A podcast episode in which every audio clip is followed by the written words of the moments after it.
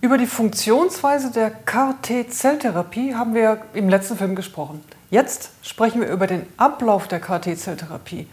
Also in welcher zeitlichen Abfolge funktionieren die einzelnen Schritte und was bedeutet das für den Patienten oder die Patientin? Darüber sprechen wir jetzt mit Herrn Professor Illerhaus, ärztlicher Direktor vom Klinikum Stuttgart. Lieber Professor Illerhaus, für welche Patienten bzw. welche Krankheiten ist denn eine KT-Zelltherapie überhaupt angebracht? Die KT-Zelltherapie kommt Stand jetzt für Patienten in Frage, die zum Beispiel ein Lymphom haben, multiples Myelom, akute lymphatische Leukämie, was ja quasi auch ein Lymphom ist, die auf die Standardtherapie nicht ausreichend angesprochen haben oder ein Rezidiv haben. Das heißt, dass die Erkrankung nach Abschluss der Therapie wieder aufgetreten ist. Für diese Patienten kommen KT-Zellen in Frage. Stand jetzt. Es entwickelt mhm. sich, es wird früher werden. Es werden Patienten auch in Genuss von KT-Zellen kommen können, wenn sie ein früheres Krankheitsstadium haben. Aber so ist es jetzt erst, mhm. wenn die Krankheit wieder auftritt. Mhm. mhm. Das heißt, die Patienten haben jetzt alle schon intensive Therapien hinter sich, sind vielleicht dementsprechend, ich sag mal, nicht so ganz fit, ja. Ähm, wie viel zeitlichen Abstand braucht man denn zur letzt stattgefundenen Therapie, bis man dann mit der KT-Zelltherapie starten kann? Da gibt es kein festes Maß. Also wenn die Patienten ein, ein Krankheitswiederauftreten haben nach Abschluss der Therapie, dann das kann drei Wochen sein, das kann äh, drei Monate, ein halbes Jahr sein oder acht, neun Monate. Über zwölf Monate sind sie momentan noch nicht unbedingt äh, Kandidat oder Kandidatin für KT-Zelltherapie, aber innerhalb von zwölf Monaten macht es keinen Unterschied, ob das direkt nach Abschluss der Standardtherapie oder eben erst nach einer Latenz von mehreren Monaten auftritt. Mhm. Okay. Muss man sich irgendwie vorbereiten für, also jetzt so ganz konkret als Patient, oder muss man sich da irgendwie darauf vorbereiten, dass man dann als nächstes eine KT-Zelltherapie bekommen kann? Ja, es ist schwierig. Also man muss es unterscheiden. Man muss die medizinische Vorbereitung treffen. Das heißt, idealerweise sollte man diesen Sturm der Erkrankung erstmal dämpfen, indem der Patient eine sogenannte Überbrückungstherapie, im Englischen Bridging-Therapie bekommt. Das mhm. heißt, wenn jetzt der Patient oder die Patientin mit einer fortgeschrittenen oder wieder aufgetretenen Krankheit kommt, dann muss man erstmal versuchen, da die Krankheit in Schach zu halten, dass mhm. der Patient die KT-Zelltherapie auch erreichen kann. Weil manche Erkrankungen würden, wenn man sie nicht behandelt, dann auch innerhalb von wenigen Wochen solche Probleme machen, dass es möglicherweise gar nicht mehr klappt mit den KT-Zellen. Okay. Das heißt, in der Vorbereitung für die KT-Zellen ist wichtig, eine gewisse Krankheitskontrolle zu bekommen. Mhm. Ähm, das kann bei den einen Erkrankungen leicht, bei anderen Erkrankungen ganz schwer erfolgen. Also meistens kommt da auch eine Chemotherapie nochmal zum Einsatz. Das mhm. heißt, dass dadurch die Krankheit äh, in Schach gehalten wird der Patient, die Patientin, wie ich es immer empfehle, sollten sich natürlich versuchen, fit zu halten. Also möglichst bewegen, gut essen, gut trinken, auf Alkohol und Nikotin zu verzichten. Mhm. Idealerweise schon immer. Mhm. Aber wichtig ist, dass sie da wirklich motiviert hingehen. Physiotherapie, Krankengymnastik, körperliche Bewegung ist wichtig. Also wir empfehlen das vor einer Stammzelltransplantation genauso wie vor KT-Zellen, wenn es denn der Gesundheitszustand zulässt. Genau, also die KT-Zelltherapie, die verläuft ja über mehrere Schritte, mehrere Phasen. Können Sie mir vielleicht mal einen kurzen Überblick geben über die Phasen? Und dann gehen wir ja nochmal im Detail rein und schauen uns jede einzelne Phase nochmal im Detail an.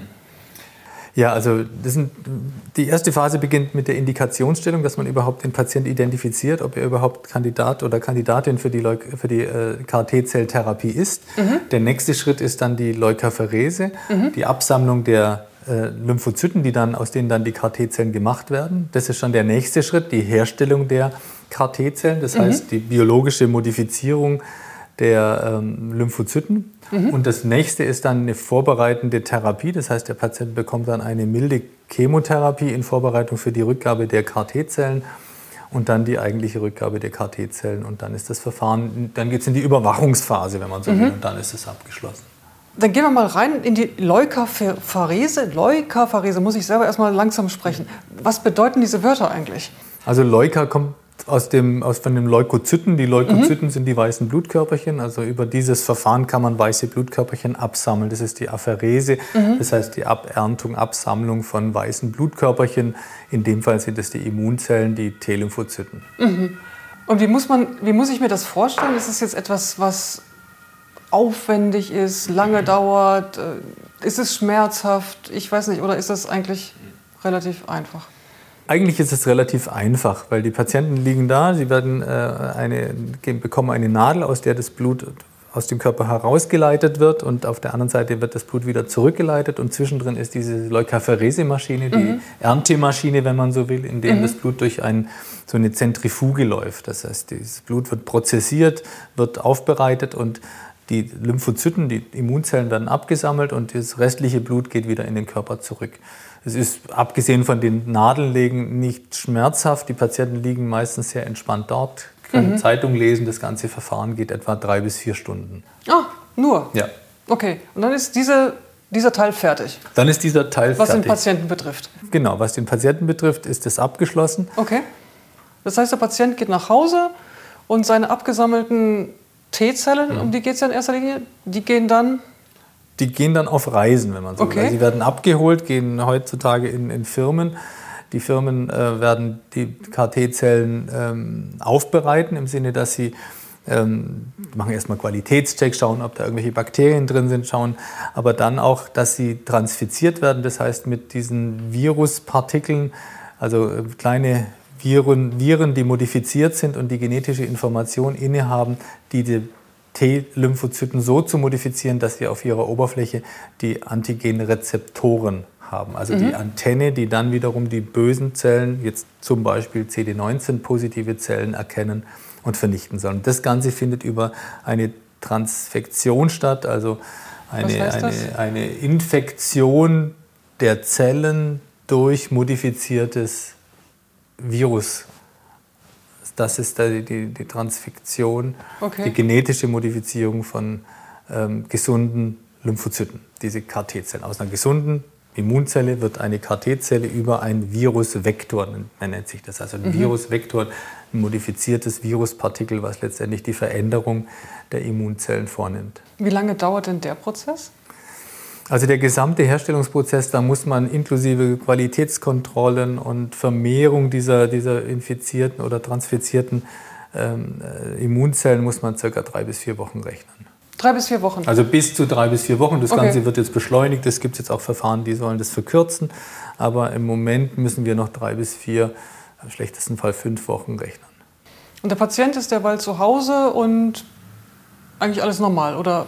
Ja, es kommt darauf an, wie seine Erkrankung steht. Also mhm. wenn der Patient mit einem Rezidiv kommt, das heißt mit einem, mit einem hohen Krankheitswert, Krankheitslast durch ein fortgeschrittenes Lymphom, ein rezidiviertes Lymphom ist eine sehr böse Erkrankung, dann wird er wahrscheinlich auch im Krankenhaus noch eine Chemotherapie erhalten, um diese Zeit überbrücken zu können. Und das heißt, da werden diese Wochen überbrückt mit vielleicht einem oder zwei Zyklen Chemotherapie oder Chemoimmuntherapie, das ist ja heute häufig kombiniert, mhm. um diese Zeit zu überbrücken, um das Lymphom im Schach zu halten oder die akute lymphatische Leukämie oder das multiple Myelom, je nachdem, um welche Erkrankung es sich handelt. Und muss der Patient dann in dieser Zeit, wo er dann quasi auf seine Zellen wartete, dass sie zurückkommen, extremst vorsichtig sein? Ich weiß nicht, zum Beispiel mit Lebensmitteln oder so, oder darf er sich einigermaßen normal ernähren? Er sollte sich möglichst gesund ernähren, gemäß den Empfehlungen der Ärzte. Also es gibt da wenig Einschränkungen, die mir jetzt einfallen. Er soll sich gut bewegen, unter Einleitung oder nicht unter Anleitung, je nachdem, wie fit der Patient ist. Also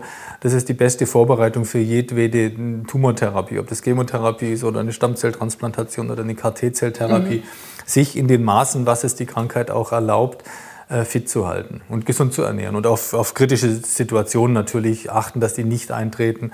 Er sollte Alkohol und Nikotin vermeiden oder jetzt gerade irgendwie ähm, sich in Gefahr zu begeben oder weit weg zu begeben. Das ist sicherlich nicht ratsam. Aber die meisten Patienten sind ohnehin an das Krankenhaus gebunden durch die Therapie die zur Überbrückung eingesetzt wird. Aber wenn ich jetzt zum Beispiel mich erkälten würde in dieser Zwischenzeit, ist es dann schlimm oder ist es dann eigentlich un kritisch? Das ist nicht gut, also es ist eher schlecht, aber es ist nicht so kritisch. Also wenn die Infektion jetzt nicht zu, einem, zu einer großen Verzögerung führt, aber die Verzögerung an sich, die zeitliche Verzögerung macht nichts aus, weil die KT-Zellen eingefroren werden und mhm. lange konserviert sind. Mhm. Aber es ist natürlich wichtig, dass nicht noch zu der Krankheit, dem, dem refraktären oder dem Rezidiv eines Lymphoms noch zusätzlich was kommt. Also man sollte mhm. sich da schützen, so gut man es kann. Und dann kriegt man ja noch mal eine vorbereitende Chemo, bevor dann die KT-Zellen KT wieder zurückkommen. Genau. Ja? Was macht die denn? die bereitet sozusagen den, den Körper nur vor, dass die KT-Zellen nicht gleich abgestoßen oder vernichtet werden. Das sind äh, Chemotherapeutika, die auch immunsuppressiv sind. Das heißt, das mhm. Immunsystem so ein bisschen beruhigen, dass diese neuen Zellen nicht gerade wieder abgestoßen werden oder Aber das sind doch sowieso sind. meine eigenen. Warum sollten die denn abgestoßen ja, werden? Ja, sie haben möglicherweise schon ein bisschen eine andere Erkennungssequenz, vielleicht durch diese Transfektion oder ähm, mhm. ähm, man weiß es nicht. Man weiß nur, dass wenn man das nicht macht, dass die KT-Zelleffizienz sehr leidet. Also man ah, okay. soll mhm. auf jeden Fall diese Vortherapie machen, um die KT-Zellen quasi auf einem guten Acker mhm. auf den Weg zu bringen, also wenn man das bildlich sieht. Und das heißt, diese vorbereitende Chemo, die läuft ein bisschen parallel zu der Wartezeit, die ich eh habe? Genau. Oder? Das läuft in den letzten Tagen vor der KT-Zelltherapie. Das heißt, es dauert, wie lange dauert dann diese vorbereitende Chemo? Also so drei bis vier Tage etwa. Das sind mehrere Therapien an verschiedenen mhm. Tagen. Eben das Immunsystem ähm, soweit befrieden, dass es nicht gleich mit den KT-Zellen überfordert ist und die KT-Zellen auch noch so ein bisschen ähm, in Schacht hält. Und wie geht es einem dabei so? Die Chemotherapie hat in aller Regel wenig Nebenwirkungen. Ah, also ah, okay. das ist eine mhm. Therapie, die grundsätzlich natürlich das Immunsystem hemmt und dadurch mhm. die, äh, eine der Nebenwirkungen ist eine Immunsuppression, eine Infektanfälligkeit, aber in aller Regel ist das eine ordentlich verträgliche Chemotherapie. Mhm. Und das heißt, und dann kommt jetzt schon der große Schritt, die KT-Zellen kommen zurück und werden zurückinfodiert. Wie muss man sich das denn vorstellen? Ja, das ist aufregend für die Beschäftigten, weil der ganze Apparat, die ganze, der ganze Prozess, der wird wohl trainiert und der muss mhm. laufen von Anfang bis Ende, weil es kommt auf äh, flüssigem Stickstoff oder Trockeneis ein Präparat, was das Leben in dem Fall äh, absichern soll und, und die Krankheit heilen soll. Das heißt, es ist ein sehr wertvolles Gut. Also nicht nur monetär, sondern eben auch ideell. Und äh, der muss sorgfältig behandelt werden. Dieses Präparat meistens in einer ähm, Kunststoff, äh, kleinen Kunststofftasche, Kunststofftüte ist es, muss aufgetaut werden, wird aus dem flüssigen Stickstoff. Was, was für ein Volumen ist denn das so normalerweise? Oh je, da hänge ich jetzt gerade, aber so maximal 150, 200, 250 Milliliter. Also oh. es entspricht so ja, einer halben Blutkonserve in etwa. Mhm. Es kommt so ein bisschen darauf an, wie ertrageffizient mhm. es ist und mhm. kann man so sicher nicht sagen. Aber mhm. Das ist eine kleine Menge, die aufgetaut werden muss. Der mhm. Auftauchvorgang findet am Patientenbett statt, also das mhm. heißt in direkter Nachbarschaft zum Patient. Sobald die KT-Zell-Suspension, das ist ja, nee, sieht ähnlich aus wie so ein sehr helles Blut, wie eine Bluttransfusion, wenn mhm. man so will, mhm. wird dann aufgezogen in die Spritze und in den Patienten zurückgespritzt. Und das Ganze muss schnell gehen, also innerhalb von Minuten Ach so, das, also das ist nicht, das tropft nicht, sondern es wird aktiv gespritzt. Man kann es auch tropfen. Also es, so, wird, okay. es ist egal. Also wichtig okay. ist, dass es einigermaßen schnell geht. Es wird dann nicht so tropf, tropf, also in halt zwei, drei Sekunden Takt, sondern das soll richtig reinlaufen, dass okay. es schnell drin ist. Okay. Weil man eben weiß, dass diese Zellen, also lebende Zellen fühlen sich in diesem Konservierungsmittel, in mhm. dem die Zellen ja sein müssen, damit sie dieses, äh, diesen Gefriervorgang überhaupt überleben, dass die Zellen sich dort nicht wohlfühlen, das weiß man. Also die Zellen sterben möglicherweise ab, wenn es zu lange dauert. Mhm, mh. Darum sollte es schnell laufen. Okay. So, und dann sind sie im Körper drin. Spürt man eigentlich in dem Moment irgendwas? Hat man so das, keine Ahnung, Kribbeln, Brennen, sei es also nicht was? Die Patienten spüren meistens das Konservierungsmittel, weil das hat so einen etwas süßlich-knoblauchartigen Geruch. Ah, okay. Also diese Rückgabe, die ist für manche Patienten unangenehm, weil es eben dieser komische Geruch ist. Das riechen auch die Ärztinnen und Ärzte oder die Ach, okay. Pflegekräfte, die am Bett sind. Mhm. Für manche ist das ein etwas gewöhnungsbedürftiger Geruch und viele riechen dann, wenn man auf Station kommt. Heute war eine KT-Zelltherapie, ähnlich wie früher bei den Stamm Stammzelltransplantation. Okay. Aber die ersten Minuten sind wahrscheinlich geprägt durch diesen, dieses allenfalls Unwohlsein durch diesen Geruch. Mhm. Und dann passiert erstmal wahrscheinlich in den ersten Minuten gar nichts. Es kann dann schon tatsächlich in den ersten Stunden zu einem gewissen ja, Unwohlsein führen, weil die mhm. T-Zellen wollen jetzt arbeiten und die hinterlassen ja auch entsprechende ähm, Zytokine, also Botenstoffe, die möglicherweise ähm, Gliederschmerzen, Fieber ähm, verursachen. Geht das dann schnell, dass das sich entwickelt? Oder? Das kann schon schnell gehen. Also ah, ja, okay. innerhalb von Stunden kann das auftreten. Oh, okay. Ja. Mhm. Das heißt, dann merkt man richtig, dass da gleich was passiert. Also im Gegensatz zur Chemotherapie, wo man ja erstmal, also abgesehen von diesen Geruchthemen, eigentlich gar nichts merkt. Das heißt, da merkt man richtig schnell, dass da tatsächlich was passiert. Genau. Mhm. Also das geht schon in den ersten Stunden der Therapie. Ich weiß nicht, wenn das mittags ist, dann kann es in den Abendstunden schon losgehen, dass man, mhm. wie wenn man fühlt, dass eine Erkrankung kommt. Es gibt ja solche Vorzeichen ja, ja, ja. einer, einer mhm. Grippe oder mhm. eines grippalen Infektes im Winter, Erkältung. Mhm. Man fühlt sich komisch, man fröstelt, man hat eventuell ein bisschen Gliederschmerzen. Mhm. Das kann in den ersten Stunden eintreten. Äh, jetzt nochmals Wirkung, Nebenwirkung, vielleicht kann man da noch mal ein bisschen drauf schauen. Ja gut, die Wirkung ist gesetzt, das wollen wir, dass die T-Zellen, die in den modifizierten CAR-T-Zellen gegen die äh, jeweilige Erkrankung agieren. Und Nebenwirkungen sind natürlich die Nebenwirkung und Wirkung gehen miteinander einher. Also das ist eine Entzündungsreaktion. Also der Körper wird beschickt durch diese KT-Zellen. Die KT-Zellen suchen sich ihre Ziele und dieses, äh, dieses Andocken der KT-Zelle an die Lymphomzelle ist ja noch nicht das eigentliche, sondern das führt ja zu einem Vernichtungsprozess. Und der, mhm. da gibt es äh, viele Botenstoffe, die bei uns auch während einer Fiebererkrankung oder fieberhaften Infekt eintreten die hochreguliert werden und dann kommt es eben zu diesen typischen Nebenwirkungen dieser Infektsymptomatik, wenn man so will. Das, wie gesagt, von, von leichtem Frösteln über Gliederschmerzen bis hin zu einem äh, schweren Zytokinsyndrom. Das heißt, dass diese Entzündungsmediatoren, die uns Fieber bescheren, die uns dieses Unwohlsein bei einer ähm, grippalen Infekt bescheren, dass die eben sehr stark auftreten. Und das ist dann eben die, die Aufgabe von uns Ärztinnen und Ärzten, und auf Station die Patienten so zu überwachen, dass man frühzeitig Maßnahmen ergreift. Das heißt aber, diese Nebenwirkungen treten auch schnell auf und, und, und gehen dann auch schnell wieder weg? Oder wie, äh ja, es kommt darauf an, wie ausgeprägt die sind. Die meisten mhm. Patienten haben geringe bis milde Nebenwirkungen. Mhm. Das heißt, das, was ich gesagt habe, von, von Gliederschmerzen, Fieber, Unwohlsein. Aber im Verlauf äh, kann es eben zu stärkeren Nebenwirkungen kommen. Es kann dieses ZIRS eintreten. Das heißt, es ist dann so ein richtiges äh, inflammatorisches Syndrom, ein Entzündungssyndrom. Die Patienten, die, das Herz fängt an zu rasen, die mhm. fangen an zu schwitzen. Manche Patienten werden dann auch auf die Überwachungsstation gelegt, dass sie zumindest am Monitor hängen, dass sie, dass sie äh, kontinuierlich überwacht werden. Mhm. Aber in aller Regel läuft es mit geringen bis milden Nebenwirkungen ab. Und die Wirkung, wie schnell kann man die denn dann sehen, messen? Ich meine, gerade zum Beispiel bei Blut müsste man es eigentlich relativ schnell messen können, ne? Ob da mm, ja, es kommt so ein bisschen darauf an, wo die Krankheit steht. Wenn wir mhm. schon durch die vorbereitende Chemotherapie und die Überbrückungschemotherapie die Erkrankung in Schach gebracht haben, dann mhm. fällt es natürlich nicht so auf, als wenn mhm. der Patient jetzt messbare Tumoren hat, zum Beispiel in der Lunge oder Lymphknoten, mhm. da kann es schon sein, dass in den in ein, zwei Wochen da schon ein Rückgang von diesen Lymphknoten zu sehen ist. Manchen Patienten tun diese Lymphknotenregionen dann auch weh in den ersten Tagen. Das heißt, dass diese Entzündungsreaktion, die ja durch die KT-Zellen zustande kommt, ähm, ja, gespürt und bemerkt werden. Mhm. Und in welchem Zeitraum oder sozusagen was, was erwarten Sie jetzt von der medizinischen Seite? Wie lange schauen Sie oder beobachten Sie, um dann zu sagen, das hat jetzt gewirkt und, und das ist jetzt sozusagen, die Person ist jetzt vielleicht sogar wieder gesund? Ist das eine Erwartung, die man haben kann, dass die Person wieder gesund wird? Ja? ja? Also ja? wir hoffen, dass die Patienten gesund werden durch diese KT-Zelltherapie. Das, ist ein Teil dieser, mhm. dieses großen Konzeptes, dass wir Patienten idealerweise heilen von der Erkrankung. Also das Ziel einer KT-Zelltherapie ist die Heilung, die mhm. nicht bei allen eintritt.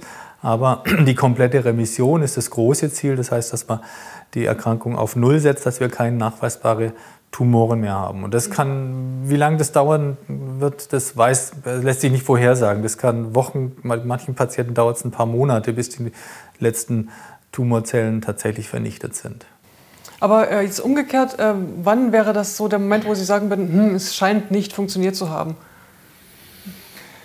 Ja, schwierig. Also wenn nach sechs Wochen oder wenn der Tumor gar progredient ist, das ist mhm. schon mal das erste Zeichen. Mhm. Also wenn der Tumor nach einer KT-Zelltherapie nach Wochen auf einmal wieder progredient ist, dann ist das. Das heißt also sich klar. weiter vergrößert, ja? Genau, dass er mhm. sich wieder vergrößert. Mhm. Dann weiß man, dass die KT-Zelltherapie nicht ausreichend mhm. gewirkt hat.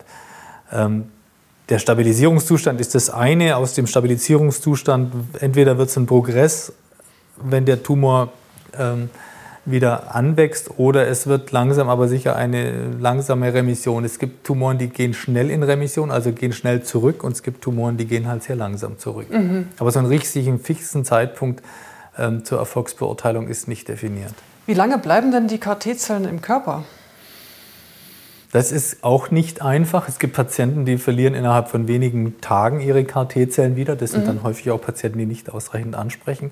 Und bei anderen Patienten sind die KT-Zellen über Wochen und Monate nachweisbar. Mhm. Wie lange die ganz hinten raus überleben und manchmal auch nur auf eine kleine Population zurückschrumpfen, weiß man nicht. Aber es kann schon sein, dass die auch viele Monate, manchmal sogar Jahre im Körper nachweisbar sind. Mhm. Und äh, wenn die lange im Körper bleiben, ist das gut oder schlecht? Eigentlich ist es ein gutes Zeichen. Das heißt, der Effekt, der, wenn die KT-Zellen wirken mhm. und der Patient die KT-Zelltherapie gut übersteht, dann ist natürlich jede KT-Zelle im Körper willkommen und sollte dann vielleicht sogar auch, wenn sich wieder was entwickelt, auch entsprechend gegen entstehende Tumorzellen reagieren können. Mhm. Also grundsätzlich sind die sind es willkommene Gäste im Körper und sollten möglichst lange drin bleiben. Okay, ja. wunderbar. Lieber Professor Ellerhaus, wirklich herzlichen Dank für diese Übersicht über den Ablauf der KT-Zelltherapie. Also ich glaube, dass jetzt wirklich alle Patienten, die diese Therapie vor sich haben, eine gute Vorstellung haben, wie es abläuft und was sie da vor sich haben. Vielen Dank. Ach ja, bitte geben Sie uns Feedback zu dieser Episode unten in den Kommentaren. Wir möchten unsere Angebote immer besser machen. Wenn Sie also konkrete Fragen haben und Sie bestimmte Themen besonders interessieren, lassen Sie es uns unter dem Video oder per Mail wissen. Und übrigens, abonnieren Sie unseren Kanal, dann verpassen Sie keine weitere Folge.